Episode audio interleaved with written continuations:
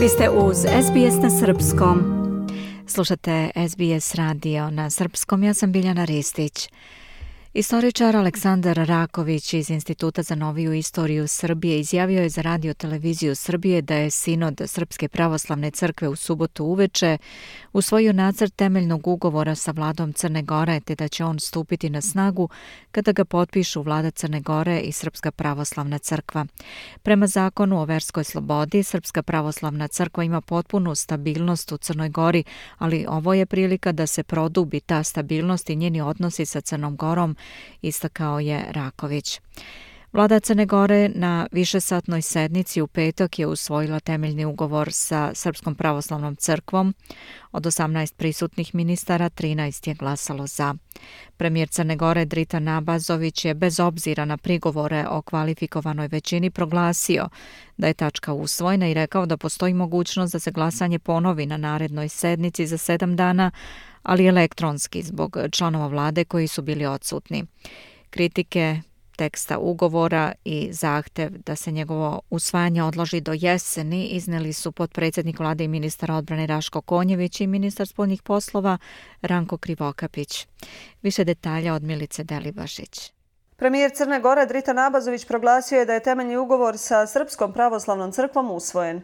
Za usvajanje temeljnog ugovora nakon više od četiri sata rasprave na sjednici vlade glasalo je 13 ministara, protiv je bilo pet, dok tri ministra nisu prisustvovala sjednici. Za temeljni ugovor nije glasala kvalifikovana dvotrećinska većina, pa su ministri iz SDP-a Ranko Krivokapić i Raško Konjević osporili da je tekst usvojen.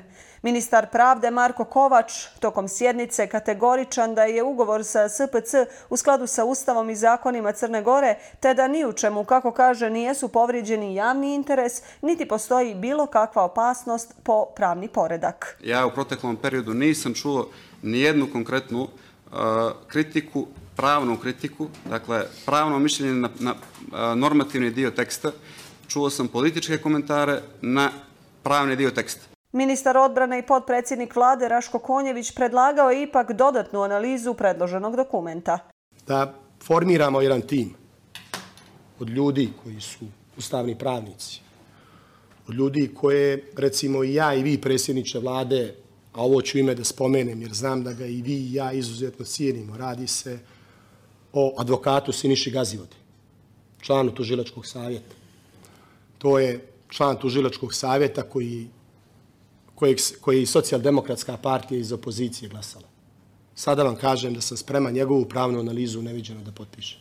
Pitanje temeljnog ugovora nije pitanje koje bi trebalo da bude prioritet, već životni standard, tvrdi premijer Drita Nabazović. Kaže i da ne postoji bojazan da ovaj dokument može imati jaču pravnu snagu od ustava i zakona. Ovaj ugovor, kao i svi drugi ugovori koje vlada bude donijela, nevažno da li je sa vjerskim zajednicama, ne mogu da imaju supermaciju nad zakonodavstvom i ustavom Crne Gore.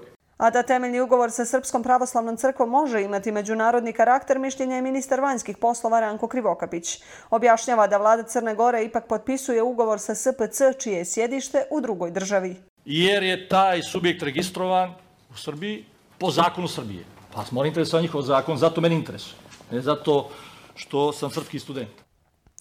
No, što god da se desi, ne smije se dovesti u pitanje evropski put Crne Gore. Abazović napominje i da evropskim partnerima nije važno pitanje crkve.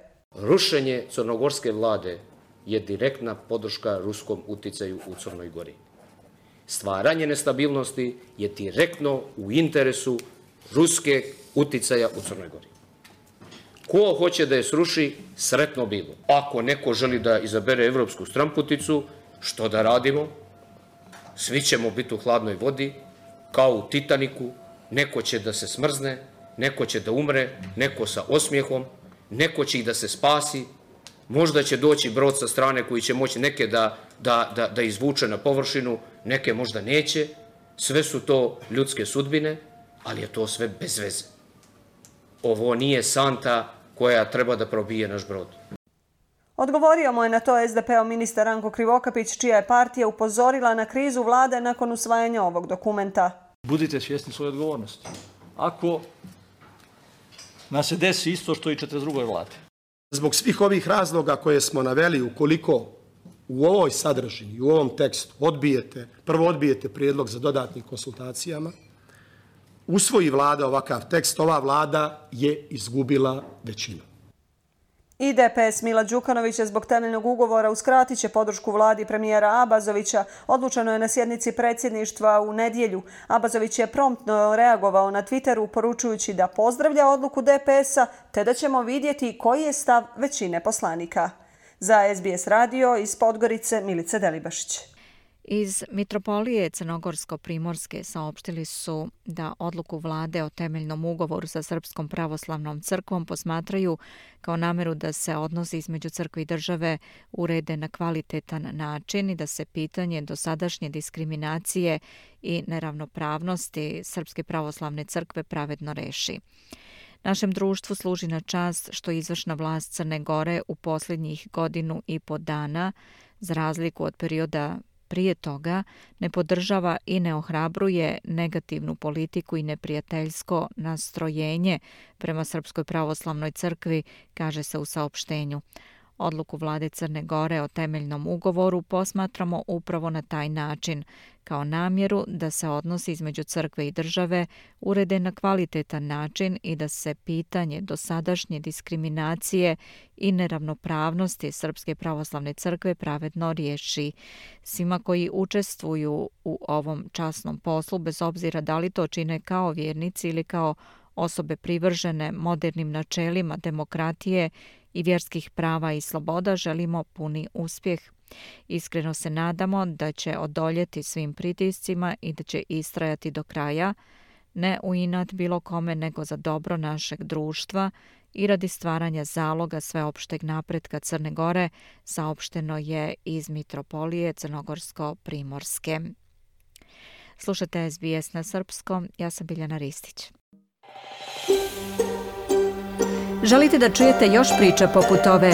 Slušajte nas na Apple Podcast, Google Podcast, Spotify ili odakle god slušate podcast.